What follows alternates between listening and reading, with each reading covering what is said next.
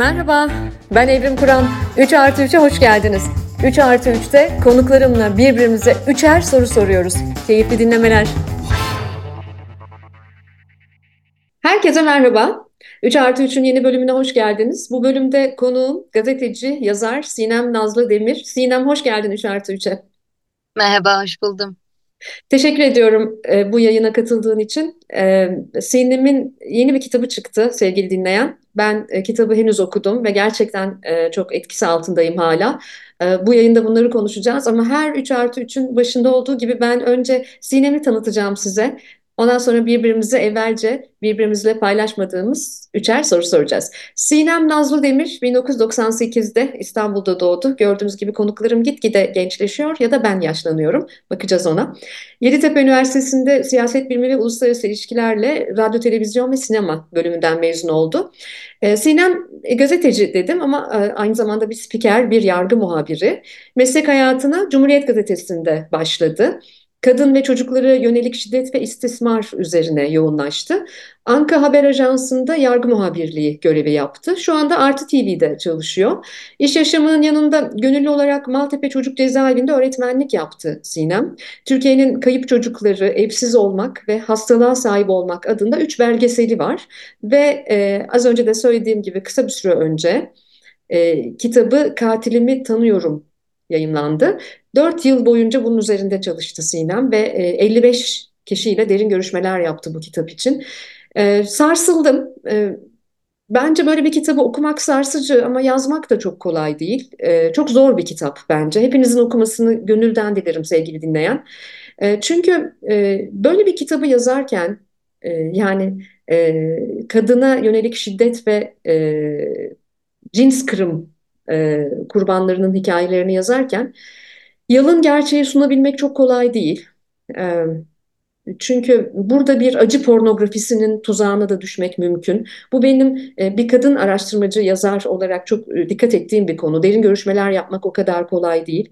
E, çünkü öyle ki biz Türkiye'de kadın cinayetlerinin medyadaki sunumuna baktığımız zaman da bilhassa ana haber bültenlerinde ah vah diyoruz ve e, bir seslendirilmiş gerçekle buluşuyoruz ve ondan sonra unutuyoruz. Örneğin biz bu yayını gerçekleştirdiğimiz gün e, Özgecan Aslan'ın hayattan koparılışının 9. yıl dönümü ve e, bütün Türkiye biz Özgecan Aslan cinayetine lanet okuduk. Şimdi de işte unutursak kalbimiz kurusun falan demeye de devam ediyoruz ama aslında bir daha böyle bir kıyımla karşılaşmamak için ne kadar sesimizi çıkarabildik, ne yapabildik bunları hala tartışıyoruz.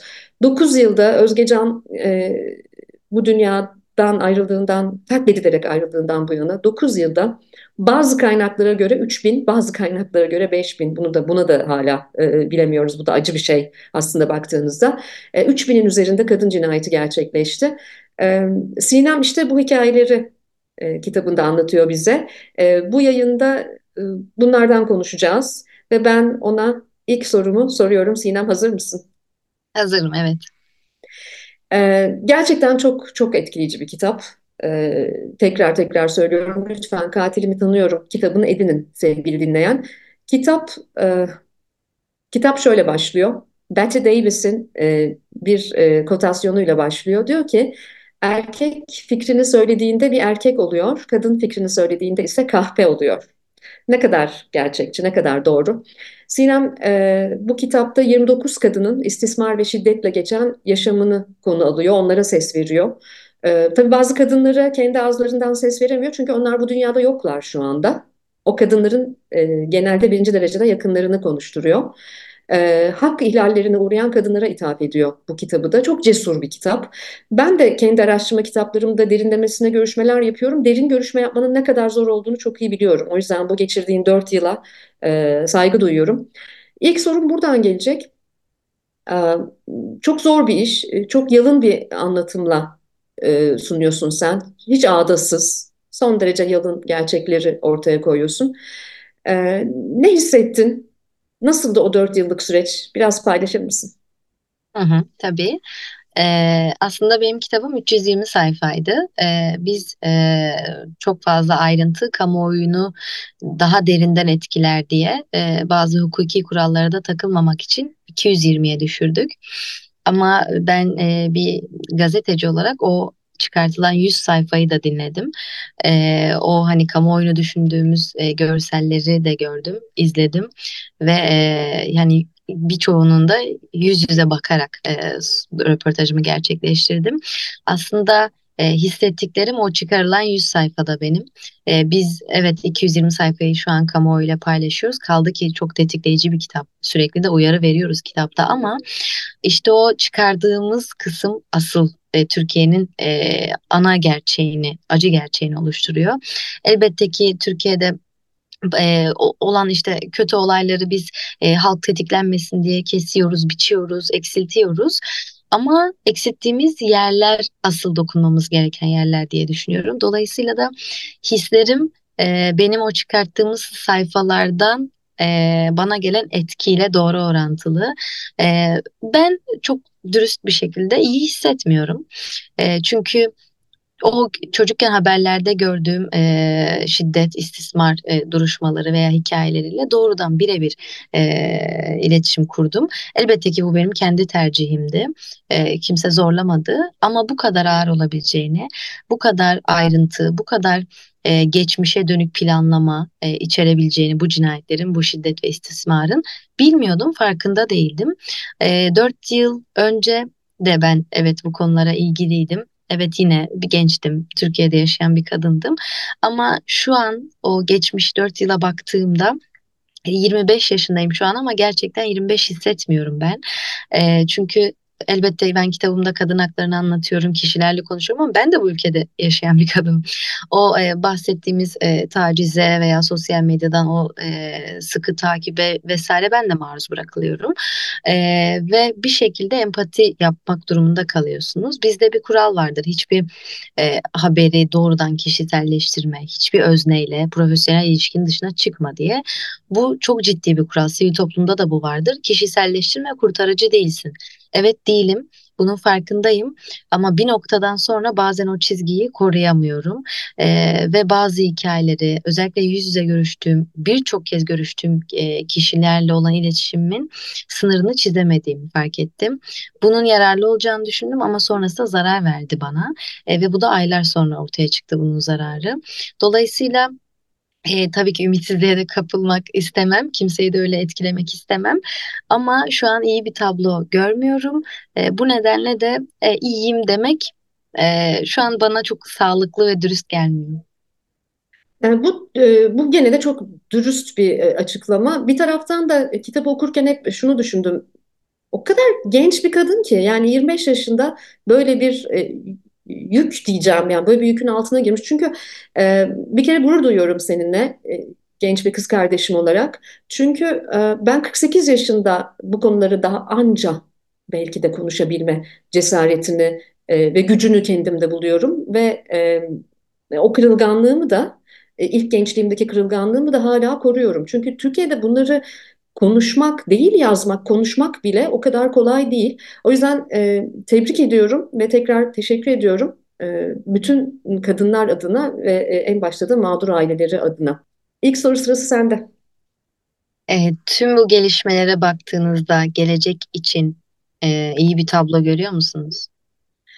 E, bence Türkiye'de Sinem e, e, e aktif vatandaşlığın boyutuna baktığın zaman Galiba en e, ümit veren hareket kadın hareketi. E, ama buna rağmen çok zorlanıyoruz. Yani taşıma suyla değirmen döndürmeye çalışıyoruz bir tarafıyla. Yine de beni en ümit var kılan hareket kadın hareketi. E, çok büyük bir yol kat edebildik mi? Hayır. E, ama kamuoyu yaratmak konusunda e, kadınların eski oranla daha iyi olduğunu düşünüyorum. Yine de geçenlerde e, pek e, yakın zamanda benim de bir kadın araştırması kitabım çıkacak. O kitabı çalışırken kitabın bir bölümünde Cumhuriyet kazanımları da var. Cumhuriyet kazanımlarının üzerinden hızlıca geçtiğimiz zaman bunca kuşaktır çok erken Avrupa'nın, Batı'nın demokrasi beşiği olan ülkelerine kıyasla daha erken kadın haklarına dair kazanımlarımız olsa da özellikle son 20 yılda ne kadar geri gittiğimizi görmek beni biraz üzüyor. Bir taraftan da kadına şiddet, kadın cinayetleri ve şiddete baktığımda e, buna da ilgili daha ileri sorularım olacak birazdan sana. E, yeterince hala ses verebildiğimizi düşünmüyorum. E, o zaman umudum kırılıyor. Peki bu sadece Türkiye'de mi böyle? E, Türkiye'de tabii ki patriarkayı çok daha derinden hissediyoruz. Ama aslında bütün dünyada hala e, burada bir aklama yapılıyor, bir pembe aklama yapılıyor. Yani e, bazı kurumlar, bazı şirketler, bazı erkek liderler kadın haklarını savunuyormuş gibi görünseler de e, bu bazen PR etkinliğinin ötesine geçemiyor. Yakında 8 Mart var. 8 ee, Mart'ta da bunu göreceğiz. Yani dünyayı bir günlüğüne pembeye boyamakla olmuyor. Veya işte e, kamuoyuna daha çok mal olmuş e, Özgecan Aslan e, e, cinayeti gibi cinayetlerde e, dikkat çekebiliyoruz ama ama burada Mesela trans bireylerin cinayetiyle ilgili neden yeterince duyarlı değiliz sorularını kendime soruyorum. Veya mesela 3000 kadın cinayeti mi 5000 kadın cinayeti mi bunu bile bilmiyoruz ya. Aslında gerçekten medyaya veya ölçeklere yansıyanın ötesinde bilmediğimiz neler var ve hala sesini çıkaramayan kız çocukları, kadınlar ve her jenerasyondan e, kadın var. Burası biraz kafama takılıyor. E, bir de şu kafama takılıyor. Bu e, benim e, umudumu biraz kırıyor. O yüzden bu yayınları yapmayı önemsiyorum. E, çünkü evet bir kadın ayağa kalktığında bütün kadınlar için ayağa kalkmış oluyor. E, mesela senin kitabında da bunu gördüm. E, ki bunu hem sana soracağım hem de ikinci sorumu böyle bağlayacağım. E, senin kitabında gördüğüm bir fotoğraf beni e, bir yandan e, daha derin düşündürdü ve biraz daha mutsuzluğa sevk etti. Şimdi sen 29 e, kadın hikayesi anlatıyorsun burada tamam mı? Yani burada sevgili dinleyen mülteci kadınlar da var, sokakta yaşayan kadınlar da var, trans bireyler de var, lezbiyen kadınlar da var, biseksüel kadınlar da var çok farklı hikayeleri olan kadınlar var, farklı yaş gruplarından kadınlar var. Ama e, şiddeti e, e, anlatan veya e, şiddetten hemen sonra cinayet yani bir cins kırma maruz kalmış e, hikayelerini anlatan ailelere baktığımda genellikle benzer sosyoekonomik seviyelerde olduğunu görüyorum.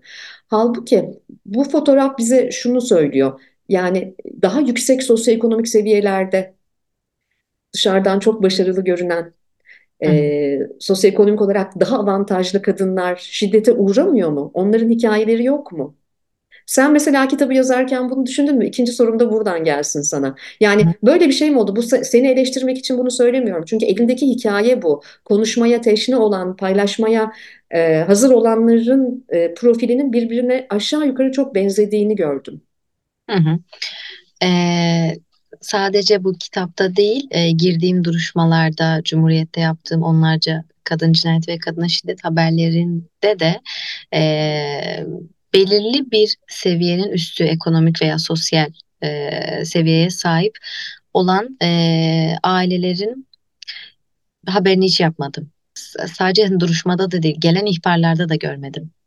Ee, belki yani bu çok genelleme olur e, resmi bir veri olmaz ama e, gerçekten de ekonomik düzeyin e, bilgiyi, bilgiyi kişinin davranışını, davranışında hak ihlali olasılığını değiştirdiğini düşünüyorum açıkçası ben.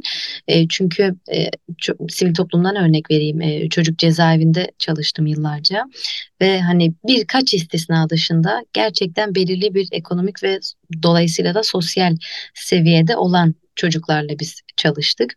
Hani bu doğrudan anlaşılan bir şey değil ama sürekli girip çıkınca siz artık fark ediyorsunuz. Bir ortaklık var ve bu ortaklık o e, ekonomik yetersizliğin getirdiği e, daha fazla okuyamama, daha fazla kültür etkinliklere gidememe, en temelinde de farklı kişilerle karşılaşamama e, etkisi oluyor. Dolayısıyla kişi hep kendi çevresinde, kendi ekonomik, sosyal düzeyindeki insanlarla konuştuğunda yeni bir hani bakış açısını bırakın yeni bir siyasi görüşe, farklı bir siyasi görüşe sahip olan kişiye merhaba bile diyemiyor. Bu nedenle kendi doğrusuna zaten yanındakiler de evet diyor. Ben şunu savunuyorum, ben veya da e, karıma tırnak içerisinde söylüyorum. E, karıma dün şunu şunu bir tane fiske vurdum. Çünkü hep tuzlu yapıyor yemeği dediğinde kişi zaten o çevresindekiler evet ya ben de geçen ay bunu yapmıştım diyor. Ama belki bir başkası olsa e, bu konuyu irdeleyip neden yanlış olduğunu anlatabilse belki bir şeyler değişirdi. Hani burada elbette ki faile bir şey anlatılmadığı için fail haklıdır gibi demiyorum. Ancak e, ekonominin kesinlikle özellikle yetişkinleri, yetişkinlerin büyüttüğü çocukları ve geleceklerini e, ciddi düzeyde etkilediğini düşünüyorum. E, bu nedenle de o hani bir üst seviye ekonomik e, düzeydeki kişilerde şiddet oluyor mudur? E, evet elbette oluyordur. E, bazı istisnalar gördük duruşmalarda kaldı ki ünlülerde de görüyoruz. E, ama e, biraz daha böyle oran orantıya baktığımızda, e, istatistiğe baktığımızda çok çok daha az olduğunu bu dört yıllık süreçte şahit oldum diyebilirim. Yani e, şöyle diyebilir miyiz? Yansımalar az diyebilir miyiz? Veya acaba daha mı az söylüyorlar, daha mı az konuşuyorlar, daha mı az paylaşıyorlar? Çünkü orada bir kişisel marka koruma veya hı. ailenin e, e, gücünü ve imajını koruma veya partnerinin partner bir e, e, itibarlı bir insan olabilir. Partnerinin itibarını tırnak içinde bu itibar lafından da artık tiksinir oldum. E, itibarını koruma gibi kaygılar da devreye girdikçe belki de bu daha da zor oluyor. Çünkü biz mesela şöhretler dünyasında da görüyoruz değil mi? Çok az sayıda e, ünlü kadın ben istismara uğradım, ben şiddete uğradım diye e, çıkıp konuşabiliyor. E, ama e, mağdur olmasına rağmen suçlanabiliyor da. O yüzden sanırım bu araştırmalarımızda e, bizim farklı sosyoekonomik seviyelerde de şiddetin gerçekleştiğine ses vermemiz için insanların, kadınların daha yüksek sesle konuşması lazım. Çünkü bu vesileyle şunu da hatırlatmak istiyorum. Şiddet sadece fiziksel bir tezahürü olan bir şey değil, değil mi? Yani şiddetin psikolojik şiddet var ki çok e, uzun yıllara sirayet edebilir bu. E, ekonomik şiddet var, e, fiziksel şiddet var, cinsel şiddet var ve son yıllarda e, maalesef bir de dijital şiddet hayatımızda bir tarafıyla. Dolayısıyla kadınlar şiddete uğruyorlar, türlü şekillerde uğruyorlar. Galiba bugün hiçbir kadın ben hayatımda hiç şiddete uğramadım diyemez. Sen de kitapta zaten e, girişte bunu söylüyorsun. E, değil mi? Herhalde hiçbir kadın çıkıp da yok, hayır ben şiddete uğramadım diyemez. Ben e, çeşitlilik, kapsayıcılık ve ayrımcılık üzerine çalışıyorum çok uzun yıllardır ve yetişkinlerle yaptığım çalışmalarda ama daha hijyenik ortamlarda belli bir seviye üstü yöneticiler bunlar, iyi şirketlerde çalışıyorlar, parasını kazanan insanlar. Hayatında hiç ayrımcılığa uğramamış biri var mı e, dediğimde genellikle e, hiçbir el kalkmıyor yani çünkü bir şekilde özellikle kadın e, bizim toplumumuzda dezavantajlı ve ayrımcılığa uğruyor ve bunun içerisinde aslında örtülü şiddet de var. E, mikroagresyonlar da var, değil mi? İltifat gibi görünen e, şiddet de var. O yüzden aslında bunların hepsi şiddet. Biz bunları söylediğimizde duyar kasmayın deniyor. Ama her yayında, her zaman, her yazımda, her çalışmamda söylüyorum. Biz kadınlar duyar kasmaya gene tırnak içinde devam edeceğiz. Çünkü aslında cins kırım, insanların yaşam hakkını elinden alma, soykırım, katliam, cinayet ilk nefret söylemiyle başlıyor. Hı hı. Ee, buna bir de ek olarak daha demin o ekonomik düzeyden bahsederken şunu da söylemek isterim. Ee, insanlar mağdur olduğunu, çünkü mağdurluk bir durum. Ee, biz orada edilgeniz, etken değiliz. Mağdur olduğunu e, söylemeye çekiniyorlar. Çünkü mağdur olmayı e, kötü, utanç verici bir durum olarak görüyorlar. Dolayısıyla da e, belirli kesimlerce ben de şiddete uğradım demek e, hem çevresinin belki e, itibarını yine tırnak içine düşünmek ama aynı zamanda hem kendisinin de e, nasıl görüleceğini düşünüyor kişi ben şiddete maruz bırakılıyorum dediğinde. Çünkü e, mağdur daha çok hani Anadolu'da olur. Mağdurlar e, kadın mağdurlar hayatta kalanlar hani ya e, bu çevrede olmaz ya bu ilçede bu kadar olaylar gerçekleşmez deniliyor. Ama inanın ki e, kapalı kapalı kapılar ardında eee, ne olduğunu bilmiyoruz. Yani aynı otobüse bindiğimiz 30 kişiden kaçının nasıl bir evden geldiğini dahi bilemeyecek bir e, duvarlara sahip olduğumuz için özellikle metropollerde e, insanlar mağdurluğun edilgen değil etken olduğunu düşünüyorlar. Bu yanlış bir şey ve her ben haksızlığa uğradım diyen kişi aslında diğer haksızlığa uğrayan kişilere de bunu söyleme cesaretini verebiliyorlar. Bunun ben çok değerli olduğunu düşünüyorum ve asla utanç verici bir durum değil. Kesinlikle buraya özel bir sorum gelecek E, ama bir taraftan da e, özellikle metropollerde e, artık o kadar büyük korkuyla yaşıyoruz ki Yani e, şiddet hemen yanı başımızda olsa bu e, bütün dezavantajlı gruplar için geçerli. Bir kediye de şiddet söz konusu olabilir. Bir kadına da e, korkudan gidip müdahale bile edemiyoruz. Hatta aman sen karışma. Ama bir taraftan da e, akıllı telefonlarımızla kameralara alabiliyoruz, çekimler yapabiliyoruz falan. Galiba e, Türkiye'de yasaların yeterince e, yani yeterli olmadığını e, düşünen biri olarak da söylüyorum kadını ve mağduru e, korumak konusunda. E, bazen e, yasa koruyor. Bazen toplumun e, ahlaki etik kodları, yasaları koruyor. Biz bütün bunların tamamında dezavantajlıyız. Ben yıllarca Kanada'da yaşadım. E, ülkeyle ilgili çok güzelleme yapmam. E, ben bir vatanseverim, ülkemi çok e, seviyorum, özledim ve döndüm. Ama galiba bir kadın olarak kendimi en rahat ettiğim zamanlar orada yaşadığım zamanlardı. Çünkü e, kadının beyanının esas oluşu ve e, gerçekten mağduriyetin çok erken evrede önüne geçirilmesi için uygun yasalar olması ve bu yasaların herkes için geçerli olması orada bir kadın olarak hayatımı çok kolaylaştıran bir unsurdu. Dilerim Türkiye'de de bu günleri görebiliriz. Ve evet. senin ikinci soruna geldik. Evet. Aile kavramı tehlikeli olabilir mi? Çok. Çok olabilir.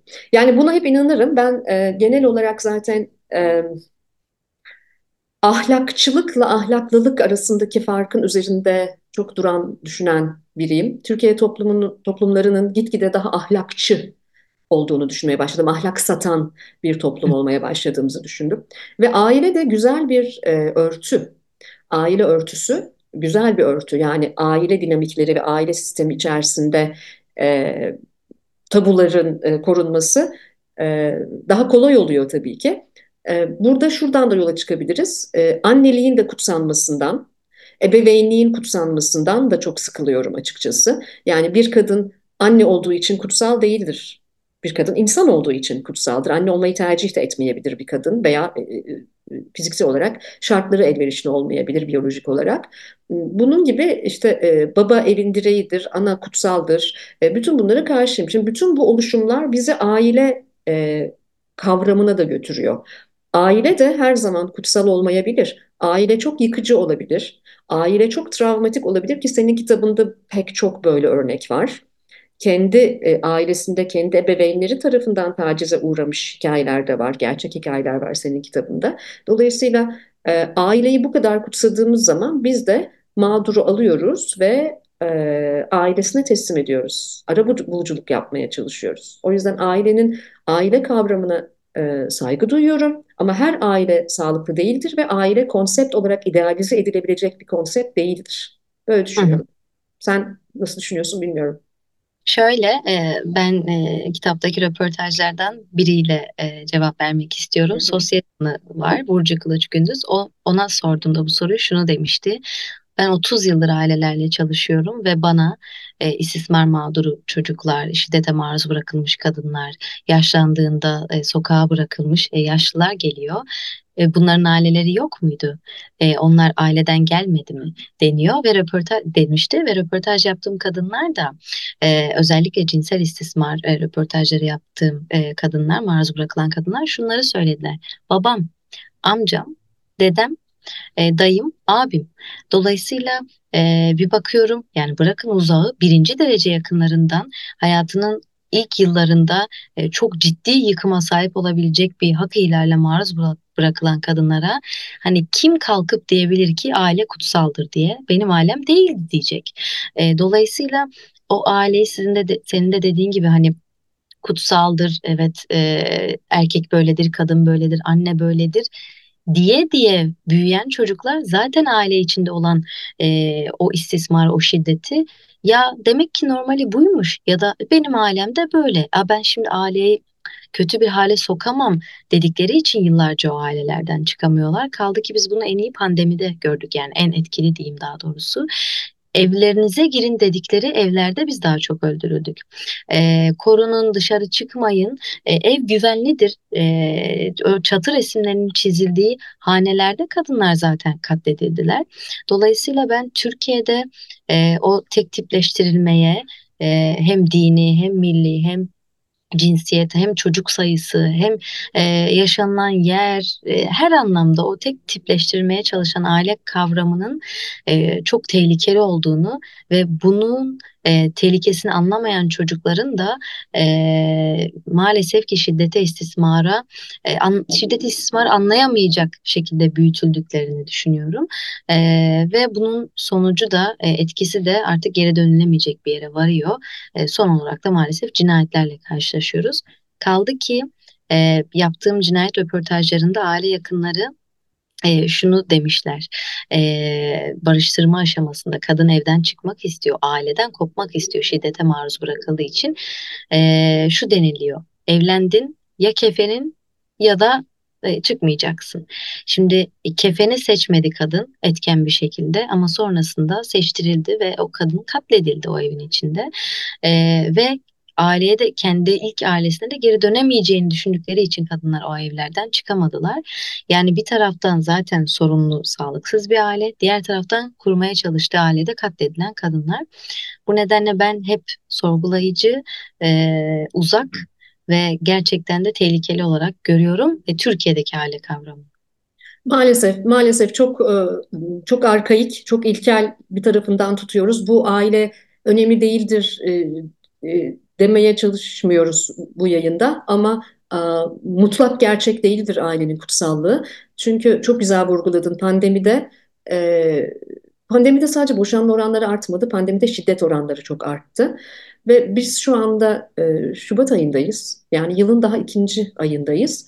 Ve e, anıt sayacı her gün kontrol ediyorum. Anıt sayaç yani şiddetten ölen kadınlar için e, dijital anıt sevgili dinleyen ara ara yayınlarda bahsediyorum anıtsayaç.com'da bakabilirsiniz. Şu anda 48'i gösteriyor. Yani 48 e, şiddetten ölen kadın sayısı. 2023'ü ise 401 ile kapattık. Bu sadece kayıtlara yansıyan. Ve bu kadınların önemli bir kısmının e, en yakınları hayatlarını hayatlarını aile olmak üzere hayatlarını geçirdikleri partnerleri tarafından katledildiklerini biliyoruz. Hı hı. Ee, evet. O halde o kadar da kutsal değil aile ve genellikle de bunların hikayelerinde e, Sinem de çok güzel bunu ortaya koyuyor kitabında. Öyle kadınlar, önemli bir kısmı bu kadınların da evlerine dönemiyorlar. Çünkü e, gelinliğinle çıkıp kefeninle dönersin. Evet gelinlikleriyle çıkıp gerçekten kefeniyle dönen e, kadınlar da var burada. E, o yüzden e, ağlamından koparmamak ve bu dünyanın gerçeklerini görmek çok önemli. Tabii senin kitabını okurken e, envai çeşit hikaye görüyoruz. E, bazen e, sadece kendimiz gibi hikayeler, bize yakın olan hikayelerle ilgileniyoruz ama hı hı. E, o kadar e, önemli bir kapsayıcılık kitabı ki e, öğrencilerime de yeni dönemde mutlaka tavsiye edeceğim çeşitli kapsayıcılık e, dersindeki öğrencilerime. Çünkü mesela hı. orada e, aslında e, aslında göçmen kadınların ya da mülteci kadınların yaşadığı dezavantajları da görüyoruz. Mesela cezaevindeki kadınların bir biçimde cezaevine e, şiddete uğramış belki de e, ve kendini savunmak amacıyla cezaevine düşmüş kadınlar da var veya sokakta yaşayan kadınlar var e, veya e, cinsel e, e, yönelimlerini e, kendileri istediği gibi ortaya koyan kadınlar da var. Aslında envai çeşit kadının çeşitli sebeplerle toplumun dışına itildiğini de görüyoruz. Ve fakat ve fakat onlara yaklaşımımız da şu. Üçüncü sorun buradan gelecek. Ee, sen kitapta şöyle bir şey yazıyorsun. Bu benim e, çok hoşuma gitti. Kitabımda hikayelerini anlatmış kadınların maruz bırakıldığı şiddet ve istismar birkaç yılda var olmadı ve ümit ettiğimiz hızda da sonlanmayacak. Çünkü hala aramızdalar. Ee, evli bir erkekle birlikte olmuş bir kadın katledildiğinde kadını yargılayanlar, Sokak ortasında bir şiddet gördüğünde aile içi kavgadır, karışılmaz diyenler, namusu kadına, şerefi ise erkeğe yakıştıranlar, kız çocuğuna ahlak dersi, oğlan çocuğuna ise aslan olma dersi verenler ve daha niceleri. Nedir bu kadın hakları meselesi? Birçok coğrafyada hala neden kadınların ikinci sınıf insan olmadığını kanıtlamaya çalışıyoruz ve kitap ve bu alıntı da çok net ortaya koyuyor ki biz neden mağduru suçluyoruz? Türkiye'de çok üzerinde tartışmamız gereken hatta sık sık dilimize yapışması gereken, masalarda konuşmamız gereken bir kavramı yeterince konuşmadığımızı düşünüyorum. Mağdur suçlayıcılık. Hı hı. Sen de bahsediyorsun kitapta Sinem. Şimdi senden bir dinlemek istiyorum. Mağdur suçlayıcılık nedir ve aslında nasıl çelme takıyor bize mağdur suçlayıcılık? Hı hı. Öncelikle e, bazılarımız e, eleştiri yaparken veya cinayetlerle, istismarla, şiddetle ilgili konuşmaya çalışırken e, farkında olmadan e, sürekli mağdur suçlayıcılık yapıyor ve bu kişi e, erkektir demiyorum. E, bunu hiçbir şekilde de genellemiyorum. Gerçekten ben her yaşta, e, her yerden, e, her e, yönelimden, cinsiyetten mağdur suçlayıcılık gördüğümü söyleyebilirim. Kaldı ki basında da çok görüyorum. Ben basın çalışanıyım e, ve bu mesleğe başladığımda e, bu sektörde dahi mağdur suçlayıcılık olabileceğini inanın düşünmemiştim. E, hayal kırıklığına da uğradım e, haberlere yapılan yorumlardan dolayı. Mağdur suçlayıcılık e, biz e, kadın katledildiğinde veya e, şiddete istismara maruz bırakıldığında maalesef ki sıradan bir okuyucu bir yurttaş şunu merak ediyor. Neden? Sonra nasıl? Nerede? Kim tarafından? Ama neden? Bize haberler öyle bir şekilde veriliyor ki biz şunu düşünmek istiyoruz. Ya neden olmuş olabilir ki? Çünkü bize haber şöyle veriliyor. Kıskançlıktan dolayı olabilir, yasak aşktan dolayı olabilir veya da e, aldatmıştır veya bir şey yapmıştır. Yani bir kadın evet öldürülmüştür ama Şimdi fail nasıl o aşamaya geldi? Bir de bunu düşünelim. Kaldı ki biz bunu sadece basında değil, faillerin avukatlarının açıklamalarında da görüyoruz. Bir duruşmada şöyle bir e, söz söylemişti failin avukatı. Nafaka istedi diye. Ya şimdi nafaka istemeseydi Ahmet bunu yapmayacaktı. E, dolayısıyla bu duruşmada olmayacak diye geldi. Bir diğeri de e, bir diğer cinayet duruşmasında da e, avukat şunu söylüyor. Boşanmak istediği için yani aslında kadın boşanmak istemese biz bunların hiçbirini yaşamayacaktık.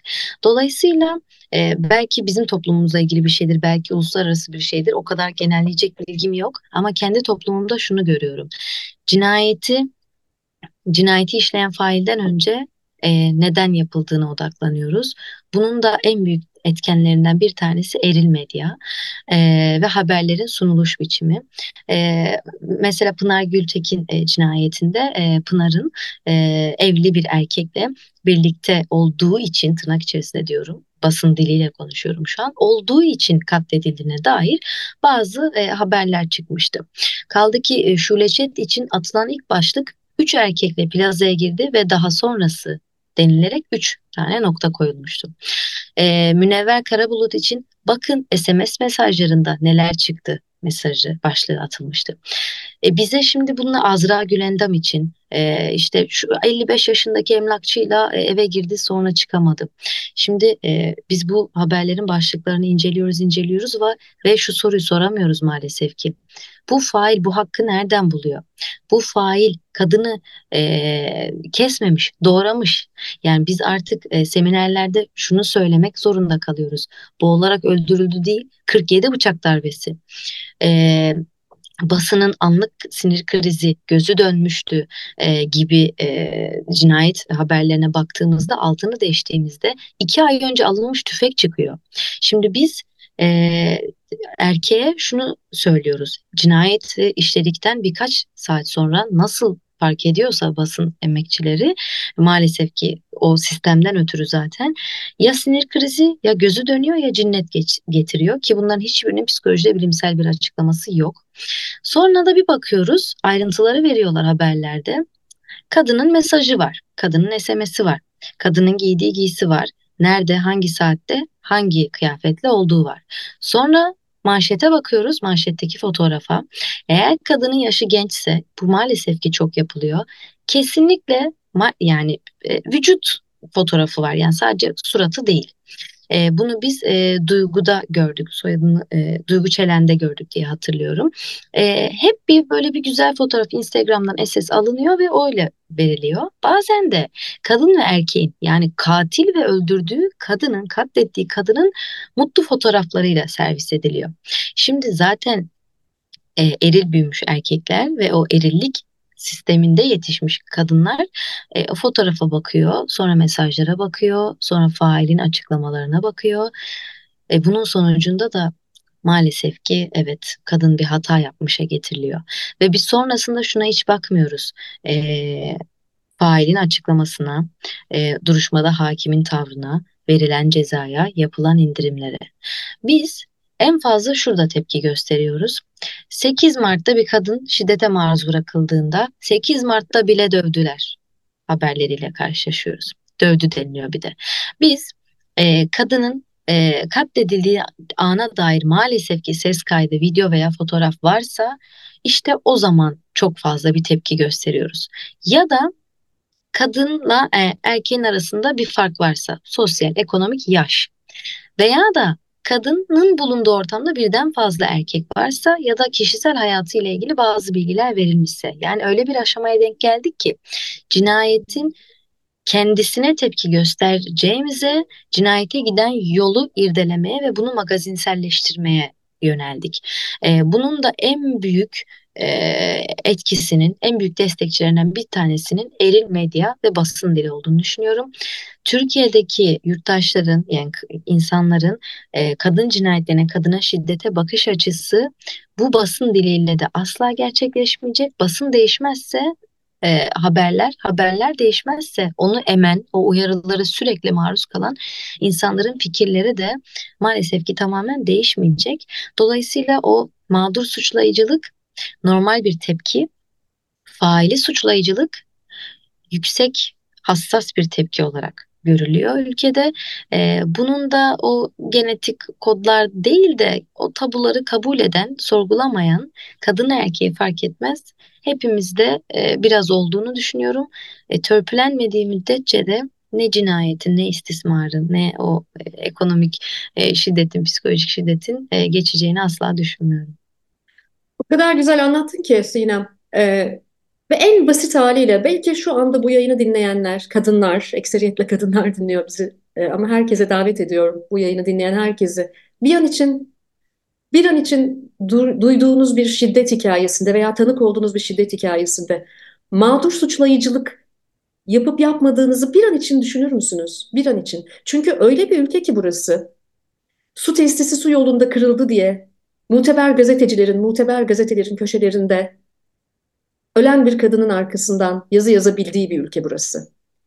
Su testisi su yolu ilişkisini çok sık kuran bir ülke. O yüzden bir an için hangi sosyoekonomik seviyede olursak olalım, mağdur suçlayıcılığa çok eğitimli insanlar olabiliriz. Gün görmüş, geçirmiş insanlar olabiliriz ama bir an için bir düşünün en son ne zaman mağdur suçlayıcılık yaptınız? Ben bu yayın vasıtasıyla e, ifade etmek istiyorum. Ben şiddet görmüş bir kadınım. E, ve ben fiziksel şiddete uğradığımda e, fail şöyle dedi. Dövdüm ama bir sorun bakalım, bir sor bakalım niye dövdüm? Şiddetin hiçbir gerekçesi olamaz. Hı hı. Şiddetin bu tarz bir gerekçesi olamaz. Ve ne zaman ki biz hangi sosyoekonomik seviyede olursak olalım, evet dövdüm ama bir kere dövdüm. Evet dövdüm ama ikincide de şöyle olmuştu öyle yaptım. Evet vurdum, dövmedim. Sadece bir tane tokat attım. Ee, şiddetin boyutları var, türleri var ve biz cins kırıma, cins kırım yangınına odunları böyle atıyoruz.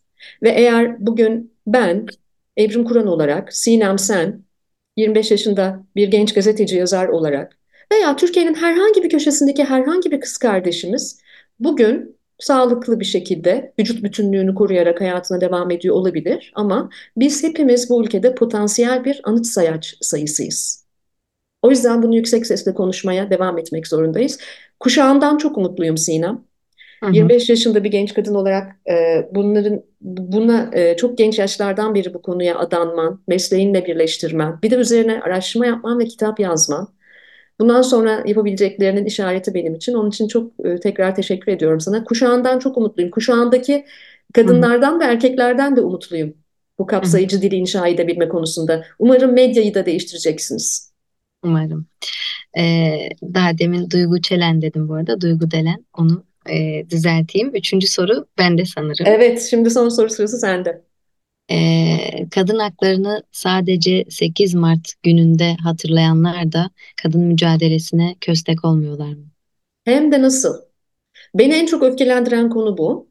Ee, bir de ben böyle hashtagler görüyorum. Mesela e, bir biçimde hayatlarındaki partnerlerine değil belki çalışanlarına psikolojik şiddet şiddette bulunan erkekler, e, belki partnerlerine, e, hayatlarındaki insanlara e, şiddet eğilimi olan erkeklerin de sosyal medyalarında hashtag e, işte e, kadın cinayetlerine hayır, işte yaşasın kadınlar e, etiketleriyle şov yapmalarını da fevkalade rahatsız edici buluyorum. Ve onlara yemezler demek istiyorum çok kaba tabiriyle. Biz bunları biliyoruz, görüyoruz. O yüzden bu işin sadece 8 Mart'larda ele alınmasında çok rahatsız edici buluyorum. Bu pembe aklama veya bazen mor aklama da deniyor buna. Bu aklamalardan uzak durmamız lazım.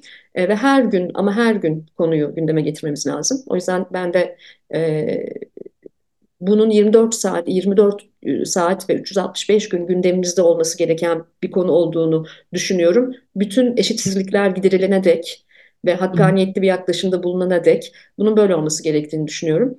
Ee, ama e, daha gidecek çok yolumuz var. Yine de bir tane deniz yıldızını bile kurtarabilirsek, bir tane deniz yıldızını bile alıp karaya vurmuş deniz yıldızını tekrar denize atabilirsek bu da bir adımdır. Ee, o yüzden lütfen e, kadınlar çiçek miçek değildir. 8 Mart'ta da şov yapmayı bırakın. E, perakende sektörünün özellikle daha çok ürün sattığı bir gün olmaktan çıksın. E, ve bunu lütfen masanın üzerinde tutalım. Her zaman gündemimizde tutalım. Buradan bunu şirketlere söylüyorum, markalara söylüyorum, ebeveynlere, ailelere söylüyorum ve bireylere söylüyorum. Önce dildeki faşizmi yenelim, dildeki şiddeti, cinsiyetçi dilimizi önce bir ele alalım. Buradan itibaren bence e, diğer katmanları da sirayet edecek. Çünkü çocuklarımızı böyle yetiştirmenin de çok önemli olduğunu düşünüyorum 17 yaşında bir erkek çocuk annesi olarak da. Çok teşekkür ederim. Ee, ben de e, yayının sonuna geldiğimiz için aslında kitaptan bir sözle bitirmek istiyorum yayını. Ee, buradan tüm izleyicilere seslenmek istiyorum e, kitabındaki her cinayet önlenebilir bir cinayetti. Başak Cengiz'in satırla katledilmesi önlenebilirdi. Ceren Özdemir'in evine girerken bıçaklanarak katledilmesi önlenebilirdi. Biz birbirimize dürüst olmadık. Öldürülen kadınların sayısına göre tepki verir olduk. Ne sadece tek bir kişiyi suçlayabilir ne de elde ettiğimiz bu sonuçtan kaçabiliriz. Karanlığın olmadığı yerde görüşmek dileğiyle. Harika, e, harika bir çağrı bu. E, diyor ki Sinem kitabından, odunlar yanmalı ki ateşi etrafındakileri ısıtsın, selam olsun tutuşanlara diye bitiriyor. Ve karanlığın olmadığı yerde görüşmek dileğiyle diye bitiriyor kitabını. E, ben de e, senin sözcüklerinle ve senin vasıtanla selam olsun tutuşanlara diyorum. Belki bir başka bir başka e, kıvılcım olacağız. Yüksek sesle konuşursak ve bütün kadınları yüksek sesle konuşmaya davet ediyorum bu yayın vasıtasıyla. Çok teşekkür ederim Sinem. İyi ki geldin. Ben teşekkür ederim her şey için. Hoşçakalın.